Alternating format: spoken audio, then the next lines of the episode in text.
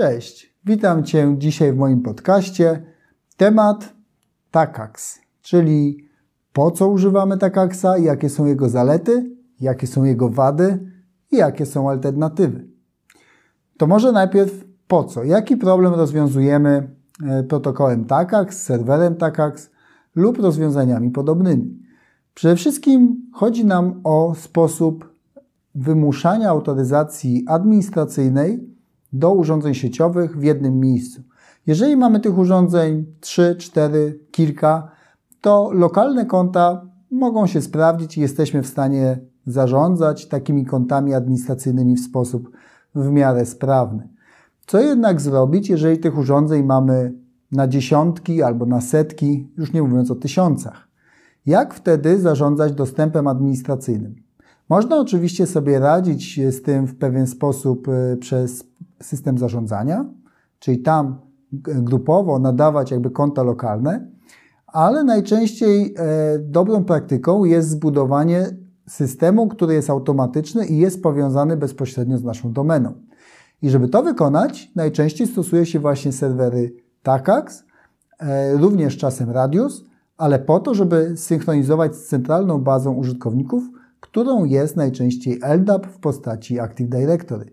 Czyli jeżeli administrator odchodzi z pracy, jego konto jest blokowane w AD, to w tym momencie traci dostęp administracyjny do urządzeń. I to jest scenariusz najbardziej pożądany z punktu widzenia bezpieczeństwa, zarządzania e, całym procesem e, tym uwierzytelniania i dostępu administratorów do urządzeń. Co więcej, e, najczęściej jak tworzymy taki sposób dostępu kont uwierzytelniania i autoryzacji centralny, no to mamy podział tych użytkowników na bardziej doświadczonych, mniej doświadczonych. Geograficznie e, są ci użytkownicy różnie rozlokowani, więc możemy wtedy im też przypisywać różne poziomy do, dostępu w zależności od tego, do jakiego urządzenia się dostają. To jest kolejny element, który jest bardzo przydatny z punktu widzenia skalowania i bezpieczeństwa implementacji dostępu administracyjnego.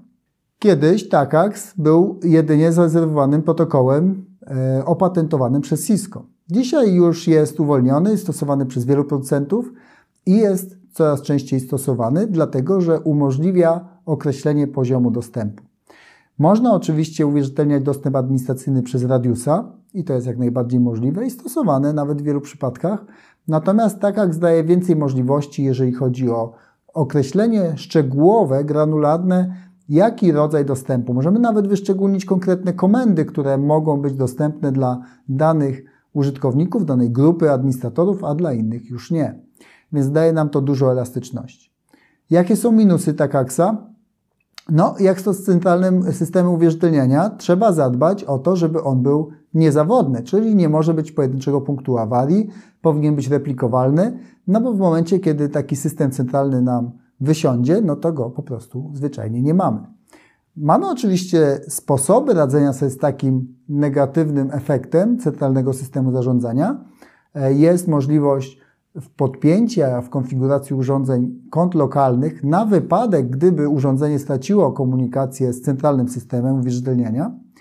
I tak się robi. Jeżeli jesteś ciekaw, jak ta konfiguracja mogłaby wyglądać, to w poniedziałek E, publikuję właśnie krótką instrukcję konfiguracji, jak podpiąć taką e, kolejkę uwierzytelniania, czyli najpierw TACAX, a potem lokalne konta na wypadek, gdyby TACAX przestał odpowiadać.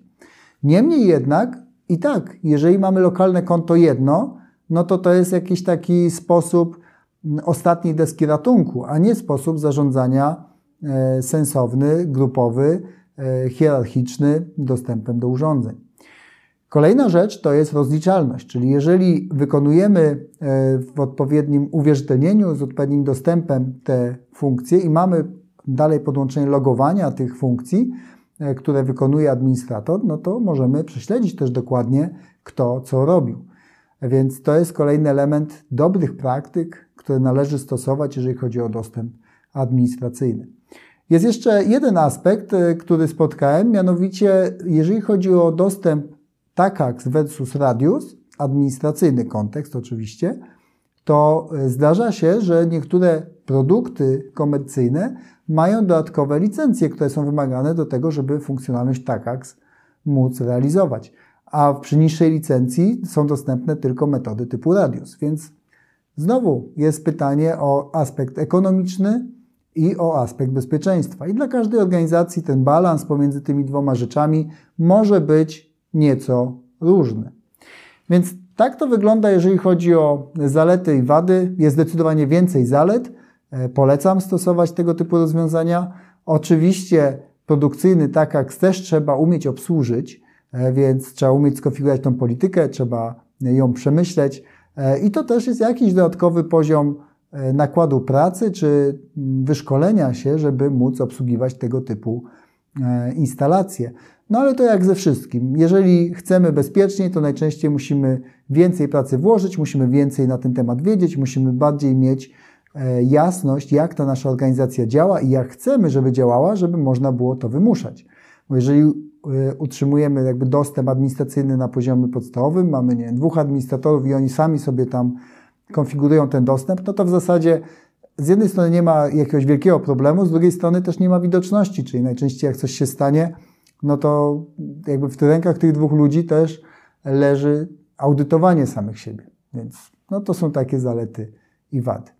To wszystko, jeżeli chodzi o dzisiejszy odcinek. Jeżeli masz jakieś pytania, to wpisz oczywiście w komentarzu. Jeżeli jesteś ciekaw artykułu lub konfiguracji, to będzie link do tego artykułu na, pod tym podcastem. Ja Ci dziękuję dzisiaj za uwagę i zapraszam Cię już za tydzień.